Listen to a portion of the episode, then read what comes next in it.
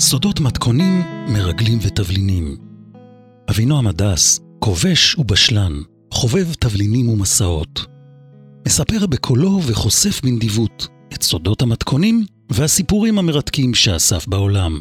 הפודקאסט סודות מתכונים, מרגלים ותבלינים המשודר כאן, מיועד לכל בעלי הטעם הטוב. להרפתקני מטבח שואבים תבשילים, מעדנים וכבושים טעימים, מלוכים, חמוצים, חריפים ומתוקים. לבעלי דמיון ומעוף שואבים רטבים מיוחדים, מנות מפתיעות ומשקאות שעושים שמח על הלשון ובפה. הכל מוגש כאן, בגלוי, בכלים נעים ובנדיבות גדולה. אגב, עובדות ושמות שונו כאן כדי להגן על הגיבורים, אבל המתכונים מדויקים. האזנה נעימה ובתיאבון. סיפור על אה, דג ברוטב חריף, על ימאים שקרנים, על אונייה עמוסה בכלי נשק וביקור לילי בשכונה של וילות בארץ אחת בצפון אפריקה. אני רוצה להתחיל את הסיפור בשלושה פתגמים. הם יעשו שכל בהמשך הסיפור, אז הנה הפתגמים. הראשון, למדתי אותו בצרפת. זה פתגם שאומר, אל תביט אל האדמה שכפות הרגליים שלך דורכות, דורכות עליה, תביט אל הכוכבים. המשפט השני הוא משפט של חוקר ארץ ישראל, עזריה אלון, שהיה גם ממקימי החברה להגנת הטבע. הוא אמר, חכם השביל מההולכים בו. והמשפט השלישי, למדתי אותו במערב אפריקה. המשפט אומר ככה, זה המתפלל לגשם, כדאי שידע להתמודד גם עם הבוץ. הנה, שלושה פתגמים על דמיון וחלומות, על חוכמה ועל מציאות. הנה הסיפור. כילד שגדל בקריית חיים, מאוד אהבתי לטייל בעיר התחתית של חיפה. חיפה, למטה בעיר קראו לזה. ככה קראו לזה כשהייתי ילד. לאורך הרחוב היו המון חנויות. ברחוב אחד היו יותר חנויות מה שהיו בכל קריית חיים. אז פעם, בשנות ה-50 וה-60 של המאה הקודמת, יכולת למצוא שמה, ברחוב העצמאות בחיפה, למטה בעיר, על המדרכה, בחזית של החנויות, יכולת לראות בשעות היום גברים בגיל העמידה, עומדים ומציעים למכירה מציאות לעוברים ושבים. כלומר, הגברים האלה היו מציעים בחצי בגניבה, במחירים שווים במיוחד, שעונים מרהיבים. שנות ה-50, שנות ה-60. הם היו שעונים מובחרים ומוברחים משוויצריה, שזה תוצרת חוץ. השעונים שהיו מציעים היו כאילו מוברחים מהאונייה ללא מכס. לאנשים האלה, שמכרו את השעונים המוברחים על המדרכה, קראו הימאים. למה? כי תמיד הם חבשו כובע מצחייה לבן של קפטן, והיו להם חולצות עם פסים שהיו יכולות להזכיר אה, חולצה של מלאכים. עכשיו, כיסי המכנסיים שלהם תמיד היו תפוחים, היו להם כל מיני מציאות בכיסים, הכל היה מובחר ומוברח. והעיניים שלהם תמיד בלשו לצדדים, מחשש להיתפס על ידי איזה שוטר. הם היו ממלמלים שעון, שעון, שעון, שעון, זה היה ללא צורך, כי כל חיפה ידע במדויק מה הם מוכרים, במרכאות, ומה הם זוממים. השעונים המובחרים והמוברחים שלהם היו לכאורה מוגנבים דרך הגדרות של הנמל, החוצה, אל רחוב העצמאות. למי הם חיכו? אתה יכול להבין, לפראיירים, כאן על המדרכה. למטה בעיר, כך הם היו אומרים, המחיר נמוך בחצי מהמחיר הנקוב או המחיר המקובל. הם היו מציעים את הסחורה תמיד בסכום עגול לפי שטרות. למה לפי שטרות? כדי שלא יצטרכו אף פעם להחזיר עודף. כדי שהעסקה תיחתם בשנייה והם יוכלו להיעלם. הם אמרו לך כמה כסף, נתת להם שטר, לקחו את השטר, נתנו לך את השעון ונעלמו. אוקיי, הפראייר שהתפתה רכש מהם שעון מובחר, שעון מוברח, ושילם כמובן במזומן. הוא, הקונה היה צופה איך הימאי מקבל את הכסף, שם את הכסף בכיס, לוקח את השעון שהראה לך לפני רגע, עוטף אותו בעיתון, מקפל ומגלגל את העיתון מסביב, ומוסר לך ליד את השעון אה, שקנית. הקונה מאושר שקנה שעון מוברח בחצי כסף, דבר ראשון שהיה עושה, היה ממהר להתרחק מהימאי המוכר. לברוח למה שלא יתפוס אותו איזה שוטר. אבל הקונה, כשהתרחק, לא היה יכול להתאפק, היה עוצר באיזה קרן רחוב, כדי להביט שוב בשעון המובחר והמוברח שהוא קנה, ולצורך כך, מה היה עושה? היה פותח את האריזה של העיתון המגולגל. ומה היה מגלה? היה מגלה שהשעון שבידו, זה שנמסר לו ונעטף על ידי הימאי, לפני רגע, שונה לחלוטין מהשעון שהימאי הציג לו לפני שקיבל את הכסף. מסתבר לקונה שזה שונה לחלוטין מהשעון השוויצרי המבריק שהוא ממנו כל כך התלהב. השעון שהוא קנה, או שהוא לא הולך, או שהמחוגים תקועים, או שמדובר באיזה גרוטת פח מזויפת, אבל עטופה בנייר עיתון שמכסה את ההונאה. ואז כשהקונה הכועס, המרומה, היה חוזר לפינת הרחוב, איפה שהוא קנה את השעון המובחר, הוא גילה שהימאי שמכר לו את השעון המזויף נעלם, במקומו ניצב שם ימאי אחר. אמנם גם הוא עם כובע, גם הוא עם איזה חולצה שמזכירה מדים של מלאך, אבל על ידו יש עוד ימאי עם פרצוף מאיים של אני לא מכיר אותך אדוני, אני לא יודע מי קנית, עוף לי מפה מהעיניים לפני שאני מפרק לך את הפרצוף. דרך אגב, האיום הזה היה מאוד מקובל בחיפה של שנות ה-60. ככה אני זוכר. תראה, נכון, אף אחד לא הכריח את הפראיירים לקנות. הם ידעו שהם קונים ממקום מפוקפק, הם יודעים שקנו מחתול, שהם קונים חתול בשק. זה לא מפחית אפילו במיל, היה פעם מטבע כזה, את חומרת הרמאות והעבירה, אבל זה היה מעשה הונאה שהיה מקובל על ידי הפתח מירכאות ימאים, סגור מירכאות, ברחוב אה, העצמאות בשנות ה-50 ושנות ה-60 של המאה הקודמת. למה אני מספר לך על ההונאה של הימאים? כי זה בדיוק הסיפור שבצבץ לי מעומק הזיכרון כשפגשתי שנים מספר אחר כך, שכבר הייתי קצת יותר בוגר מילד, שפגשתי אדם שלצורך הסיפור נקרא גם לו הימאי במרכאות. למה? כי גם הוא היה תחמן גדול ומומחה בהונאה. אז הנה הפרטים. פגשתי את הימאי הזה פעם ראשונה בלובי של מלון גדול בתל אביב. זה היה לפני הרבה מאוד שנים. הכיר בינינו אדם שאני יכול להגיד שהוא היה חלק מהמערכת שעסקה אז בניסיון לפתור את תעלומות שבויי ונעדרי צה"ל במלחמות ישראל. אתה יודע, יש גוף כזה שבזה הוא מתעסק. האדם הזה, הוא היה לוחם לשעבר, הוא משפטן בהווה, בהווה אז, כן, לא היום, והוא הכיר בינינו. הימאי אמנם הוצג בשמו, אני זוכר את שמו, אבל אני מעדיף לא לקרוא לו בשם האמיתי שלו, אלא להזכיר את אותו תחת ההגדרה הימאי. המשפטן הישראלי שהכיר בינינו, באותו רגע מספר לי שהאדם הזה, בנוכחותו, כן, הוא אומר לי, אומר לי, זה איש עסקים באנגלית. זה איש עסקים ערבי מוסלמי, ממוצא ירדני, איש מאוד עשיר, very wealthy, מתגורר ברבת עמון, שזה כידוע בירת אה, ממלכת ירדן, הוא בעלים של חברת ספנות שמפעילה אוניות סוחר מנמל עקבה, שבדרום הממלכה, הוא גם הבעלים של מלון ג'רוזלם אינטרנשיונל, מלון שממוקם ברחוב האוניברסיטה באמן רבת עמון, מלון של 172 חדרים, ברמה של ארבעה כוכבים, מלון מצוין. רבת עמון, כזכור לך, אתה זוכר? בנויה על שבע גבעות, על גבעה אחת הוא גר, בווילה ענקית של בית של שבע קומות, משקיפה על העיר, הייתי כמובן אצלו בבית, נרחיב על זה מאוחר יותר, אבל האיש הזה היה עוד ייחוס. לפי הישראלי שהכיר בינינו, הוא אומר, הימאי הוא יועץ הספנות של מלך ירדן. אז, כמובן, המלך חוסיין ירום הודו. זה היה ג'וב מאוד מאוד מכובד. תשמע, כבוד גדול. כשהייתי אצלו, אגב, בירדן, בבית, הוא נסע במכונית שהמספר שלה ג'ורדן 5, ירדן 5. רבאק. זה מספר. אוקיי, כבוד גדול. אז הוא מציג אותי, עכשיו הישראלי מציג אותי לפני הירדני, אומר לו, זה אבינועם הדס. הוא יועץ לפוליטיקאי ואנשי עסקים. האיש הזה נוסע הרבה בעולם, עובד עם פוליטיקאים ויזמים בישראל, באירופה, באפריקה או בארצות הברית. אני לא זוכר איך השיחה התגלגלה בדיוק, נראה לי שזאת הייתה יוזמה שלי, אני לא ממש בטוח, עברו כך הרבה שנים מאז. אבל למחרת, נפגשנו שוב, הימאי ואני. קבענו שאני אקח אותו לטייל ביפו העתיקה, הוא אמר לי שהוא רוצה לקנות תכשיטים לאשתו, אמרתי לו, אני יודע איפה.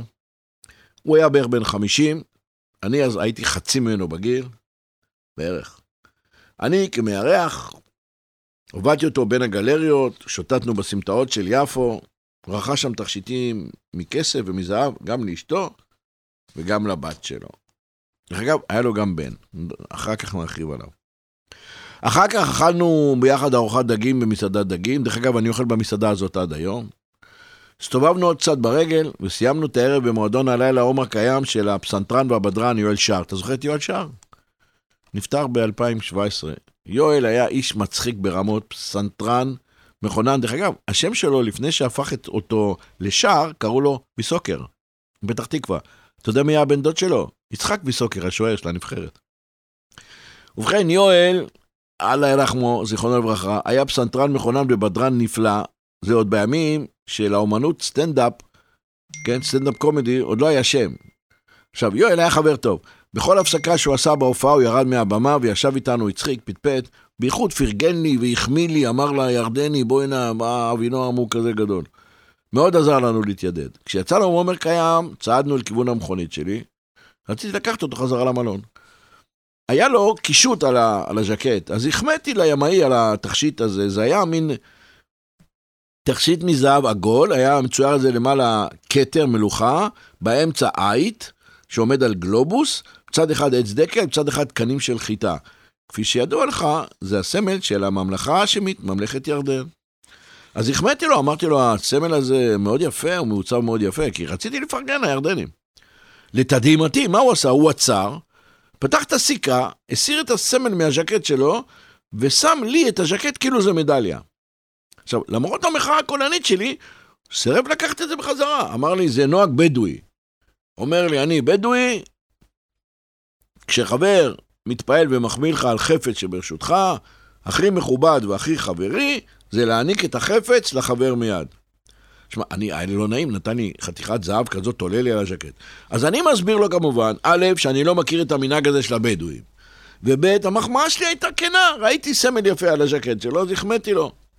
לא הייתה שום כוונה, וזה תכשיט זהב יקר, ואני לא יכול לקבל את זה, בשום פנים ואופן, תכשיט כזה, אבל הוא לא עונה לי בכלל, ממשיך ללכת לכיוון המכונית שלי, ואני מבין שהעניין הזה סגור. התכשיט הזה נשאר על המעיל שלי. טוב, חזרתי הביתה. למחרת בבוקר נפגשנו שוב, אספתי אותו מהמלון במכונית שלי, הוא נכנס לאוטו, מסתכל עליי, מחייך, ואני שם לב שהוא רואה את הסמל של ממלכת ירדן על הז'קט שלי, הוא היה מבסוט לאללה. על פי הצעתי, אתמול בערב, נסענו היום בבוקר לירושלים. ונפגשנו ביוזמתי עם כמה אנשים בכירים, ביניהם אישיות ממלכתית ישראלית בכירה מאוד. להגיד מי? מותר להגיד שזה היה ראש ממשלה. טוב, אז אני אגיד. אז נסענו לירושלים ונפגשנו ביוזמתי עם ראש הממשלה. אה, נפגשנו גם אחר כך עם אנשי עסקים שמנהלים חברות בענפי התיירות וההשקעות. כזכור, הימאי, במרכאות, הוא היה בעיקר בעל חברת אוניות ובעל בית מלון גדול באמ"ן, בירת ירדן, מלון. ג'רוזלם אינטרנשיונל, נכון מאוד. בדרך, כשאני נוהג, הוא יושב לידי, מצלם כל הזמן מסביב, הוא מתעניין ושואל אותי הרבה שאלות, ואני מספר לו על העבודה שלי והנסיעות שלי בעולם. אני מספר לו על העבודה, על הנאומים שאני כותב לראשי מדינות, נשיאים, שרים, ראשי עסקים. שמע, היו עובדות שהדגשתי בעבודה שלי, והיו עובדות שהסתרתי בעבודה שלי. אני מאמין שכשהוא סיפר לי על עצמו, הוא עשה בדיוק את אותו דבר. בערב מאוחר, חזרה בתל אביב, אני עוצר את המכונית ליד המלון אה, בחוף הים של תל אביב. אני יוצא מהמכונית, ככה מלווה אותו עד הכניסה. ליד הדלת, על יד הפורטיה, לפני שהוא עובר את הדלת המסתובבת, הוא עוצר, לוחץ לי את היד ככה חזק. אחר כך מחבק אותי, וכשהוא עדיין מחזיק לי את היד, יד אחת ויד שנייה על הכתף שלי, הוא אומר לי, אבינועם, please promise me, תבטיח לי שאתה מסכים להיות אורח שלי ברמת המון בחודש הבא. מה הייתי המום? הכרתי אותו אתמול. כמובן שהסכמתי מיד, מי, מי מפספס הזדמנות כזאת? אדם כזה מזמין אותך טיסה, אל תהסס. אני לא בטוח במניע שלו, אבל אני כבר מכיר את האינטרס שלי. אני אחסוך ממך את השיחות שניהלנו בטלפון החל מאותו יום בכל מיני עניינים, צלצל לידי הרבה. דיברנו כמו חברים חדשים שיש להם אינטרס משותף. אולי כאן המקום להזכיר שוב עוד דבר, גם לך וגם למי ששומע, שבנוסף לעבודה הרגילה שלי, אני נוהג לעשות משהו שדומה לפתח מירכאות, ימי מילואים, סגור מירכאות. בארגון קטן שעושה גם במודיעין בשמירה על ביטחון המדינה, משהו שנשאר לי מהעבר. אז הזדמנות פז כזאת אסור להחמיץ, להיות אורח של יועץ של המלך חוסיין, אצלו בירדן, זאת הזדמנות פז. אז אני מזמן את עצמי אה, לאיזשהו משרד בתל אביב. הם יודעים מי אני. מספר להם על הקשר החדש שנוצר. הדבר הזה מעורר שם התעניינות רבה. אני לא בטוח שהם שמחים, אבל הם מתעניינים. ואז אני מקבל סוג של תדרוך לפני נסיעה. זה לפני כל נסיעה לאיזושהי משימה בחו"ל, הם היו מתדרכים אותי מה מותר, מה אסור. מקבל שוב כללי זהירות, מקבל את ברכת הדרך, סע. בגדול הם אומרים לי, נקווה שתצליח ליצור כאן משהו חדש שיישא פירות טובים, ועוד שני דברים. תשמור על עצמך ותחזור בשלום. טוב, את זה אני עושה תמיד. למחרת בבית, כן, הוא נסע ימי. למחרת בבית, אני מנסה להכין לעצמי את הדג ברוטב שהגישו לנו לפני יומיים במסעדה ביפו. אני מאוד אוהב לנסות לשחזר את תווים. שמע, בכלל, תן לי להגיד לך משהו על ימאים ועל דגים. מסתבר שהעובדה שאתה ימאי לא עושה אותך אוהב דגים. להפך. אתה יודע, באמצע שנות ה-70 השתחררתי מקבע בחיל האוויר, ונסעתי לאילת, גרתי במלון הסלע האדום. בערב הייתי תקליטן במועדון של הרד רוק. כן, תקליטן, די-ג'יי. אז לא קראו לזה די-ג'יי, קראו לזה תקליטן. במשך היום היה לי בית ספר לסקי מים. נו, מה אתה אומר על זה? כן, מהבוקר עד הערב, ובלילה הייתי תקליטן. הלקוחות והתלמידים שלי שהיו שתים איתי בסירה, תמיד שאלו אותי, תגיד, אין פה כרישים, אין פה uh, ברקודות? אז הייתי אומר להם, אפשר לראות פה כריש במפרץ אילת כמעט כל שבוע. זה לא היה נכון. אבל מה אכפת לי להפחיד אותם? הייתי גם מספר להם, הייתי אומר להם, אין לכם מה לדאוג שאתם שתים איתי, לי יש הסכם עם הדגים. אני לא אוכל אותם, והם לא אוכלים אותי. הם היו צוחקים, וזאת הייתה רק בדיחה. אני מאוד אוהב דגים, גם לאכול אותם וגם לבשל אותם. אז אתה רוצה מתכון? אני אתן לך מתכון, בלי לחץ. השם של המתכון, שים לב למקוריות, חשש מביקורת, פחד קהל ודג ברוטב עגבניות חצי חריף. אתה יודע, שתי מילים. פחד קהל זה נובע מטראומה שנגרמת מחשש מביקורת. כולם חוששים מביקורת. כולם חוששים מביקורת. כמו שרבים נדהמים, אה, נמנעים, לתדהמתי, כן, לאכול דגים, ככה רבים חוששים מביקורת. אנשים חוששים לצייר בפומבי, חוששים לרקוד בפומבי, נמנעים מלרקוד, מללמוד לרכב על אופניים באור יום. אתה יודע, כשהייתי מלמד סקי מים, היו באים אנשים מפורסמים באילת, אמרו לי, קח אותי רחוק. אני אומר לו, אתה תשלם כפול. אומר, לא חשוב, נשלם פי ארבע. העיקר שלא יראו אותי נופל. אני אומר לו, מתוק, כולם נופלים בהתחלה. אומר, אני לא. אני, לא אכפת לי. אבל למדתי הרבה אז. רבים נבוכים וחוששים להיכנס לאולם בו נערך אירוע להיות ראשונים. לעלות לרקוד על רחבה כשאף אחד לא רוקד בה? וואי וואי, יש רק בודדים שיש להם את האומץ. חשש מביקורת. אבל הכי גרוע, הכי גרוע זה כשאנחנו נקראים לעלות על במה לברך או לנאום.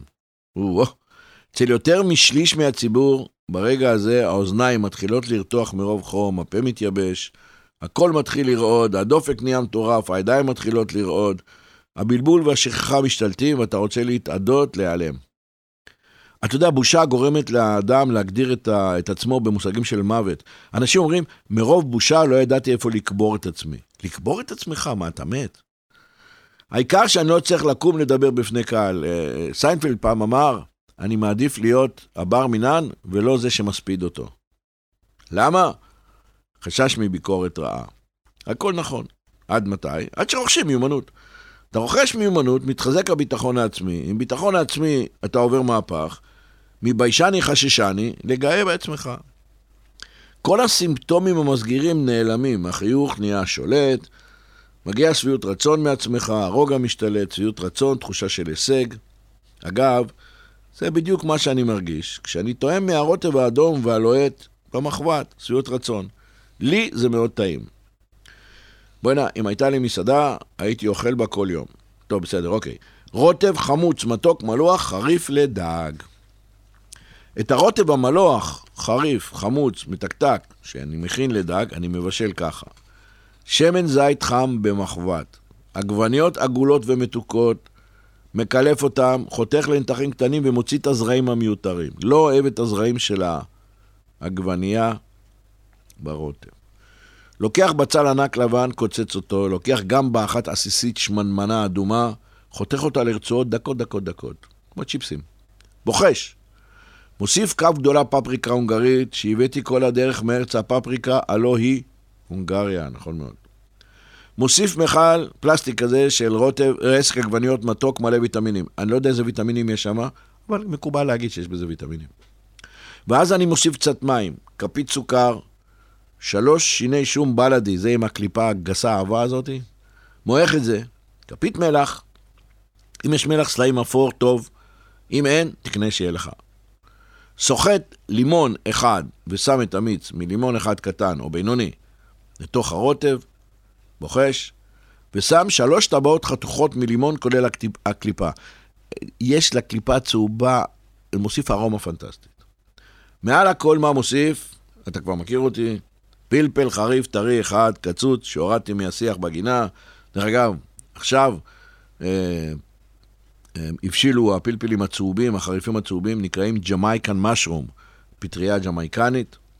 הם נותנים פרי, הם טעימים ברמה, הם חריפים, אבל יש להם טעם פנטסטי, אני אוהב אותם. ואז מוסיף חצי כפית ננה מיובשת וצביתה מקינמון טחון.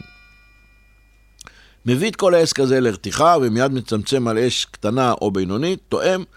לפעמים יש, צריך לשפר טיפה במתיקות או בלימוניות או במלחיות, במלחיות בדרך כלל לא. עכשיו הדג. לוקח נתחים שמנמנים ויפים של דג בס שפולטו, מכניס אותם, משכיב אותם בתוך הרוטב. הרוטב הוא לוהט, מבעבע בעליזות. דרך אגב, יכול להיות שהוא עושה את זה בכעס בגלל האש, לא יודע, לדעתי הוא עליז.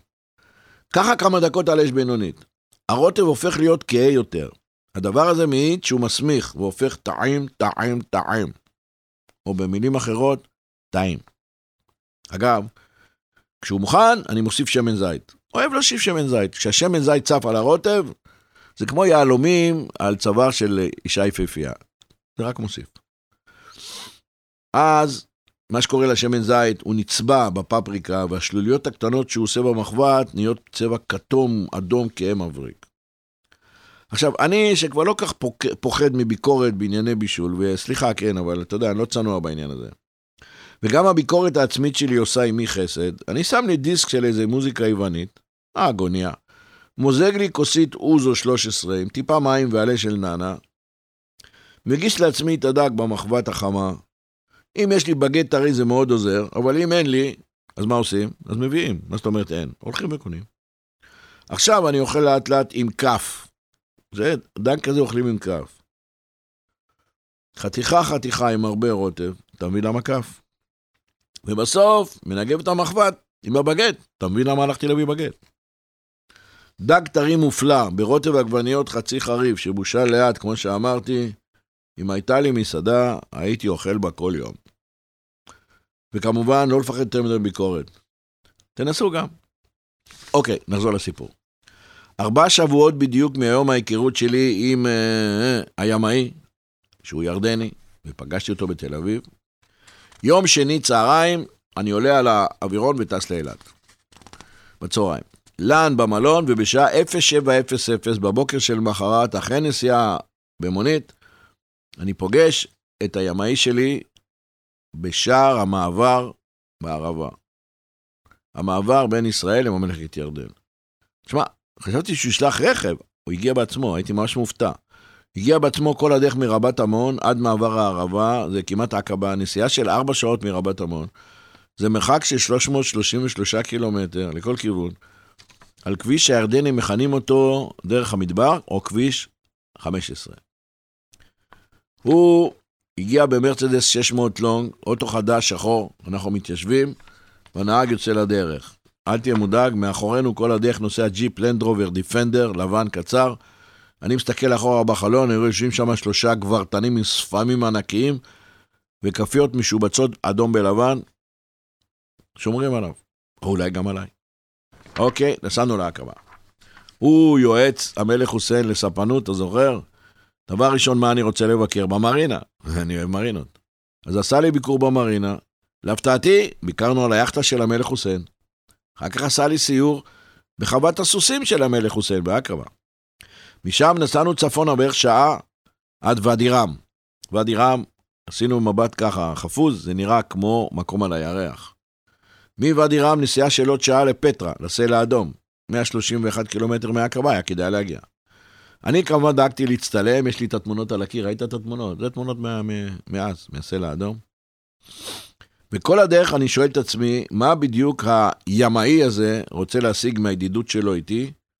כי מה שאני רוצה להשיג היה ברור לחלוטין. מיד נגיע לזה.